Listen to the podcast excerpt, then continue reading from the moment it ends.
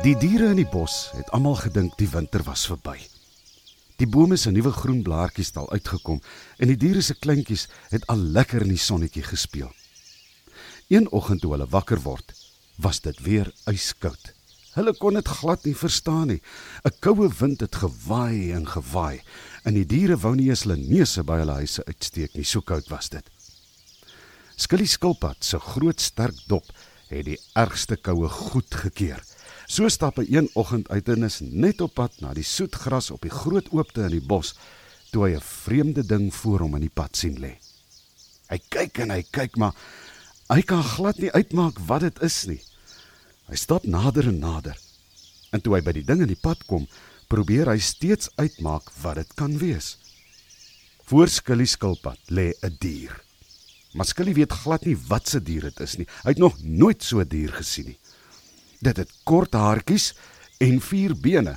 In sy gesig lyk amper soos 'n hond se, maar sy voorpote is hopeloos te kort om 'n hond se te wees. Skilly kom nog nader. Dit lyk asof die dier dood is. Hy kom met sy oor tot by die dier se mond en luister versigtig of hy iets kan hoor. En jou waarlik, die dier haal baie saggies en effentjies asem.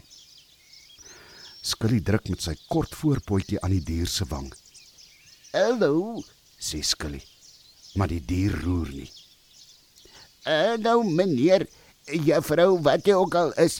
Ek weet nie wat se dier jy is nie, maar jy lyk vir my nie baie gesond nie. Wil jy nie maar probeer om met my te praat nie? Dan kan ek dalk vir jou hulp kry. Maar die dier in die pad lê net doodstil. Skilly begin nou bekommerd raak. Hy sal moet gaan hulp soek. Maar Skilly weet ook, hy kan nie baie vinnig loop nie. En sê nou maar net hy loop om te gaan hulp soek en tier of ou jakkals kom daar en eet die arme dier op. Nee, hy kan nie die dier so alleen los nie. Skilly dink en dink en dink. En hy staan nog so en dink toe Karel Konyn skielik daar verby gehardloop kom. "Môre Skilly," roep Karel Konyn so in die verbyhardloop. "Uh, Karel, uh, Karel kom eers gou hier." Roep Skilly vinnig agterna. Karel steek net aan sy spore vas en kom vinnig na Skilly toe aangespring. "In my aarde Skilly," sê Karel toe hy vir Skilly in die pad by die vreemde dier sien staan. "Ek het nie geweet jy het ook nou 'n jagter geword nie. Dit is 'n allemintige groot dier wat jy gevang het." Karel Konyn probeer uitmaak wat se dier dit is wat in die pad lê. "Maar Skilly, wat se dier is dit die? Ek het nog nooit so 'n dier gesien nie. Ek het nie 'n dier gevang nie, sê Skilly. Ek was op pad na die soetgras toe, toe ek hom hier in die pad sien lê. Hy is baie siek of hy het baie seer gekry. Ek wou gaan hulp soek, maar ek kan nie hom so alleen hier los nie. O, nou verstaan ek, sê Karel in vryf oor sy lang ore. Ja, nee, die ou lyk glad nie te lekker nie. Dit is koud.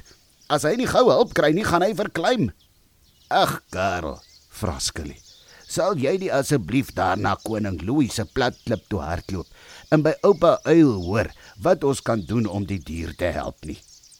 Ek maak so, sê Karel. Bly jy nou net hier by hom. Ek gaan so gou as wat ek kan hardloop. Maar maar hoe sê ek vir oupa uil wat se dier is dit? Skilly skilpad kyk weer lank na die dier in die paadjie voor hom. Uh, nee, jonge, ek weet nie. Ek kyk maar mooi na die dier en dan beskryf jy maar vir oupa uil hoe hy lyk vir jou.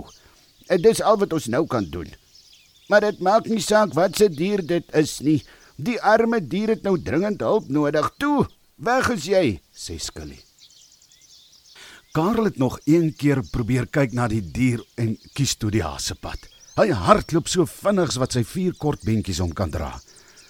Skilly het die hele dag gesit en wag en wag. Later het hy van die blare onder die bome gepluk en waterdruppels vir die dier in die paadjie aangedra. Bietjie vir bietjie het hy die waterdruppels in die dier se mond ingekry. Ten laatmiddag was Karel Konyn nog nie terug nie. Skeleet begin bekommerd raak. Wat sou van Karel geword het, wonder hy. Ek kan nie die hele dag en nag hier sit nie. Ek moet huis toe gaan. Dit begin laat word en die pad is ver terug huis toe. Skilly wil net weer gaan waterdruppels soek, toe hy skielik 'n geluid in die bosse agter hom hoor. Hy draai vinnig om.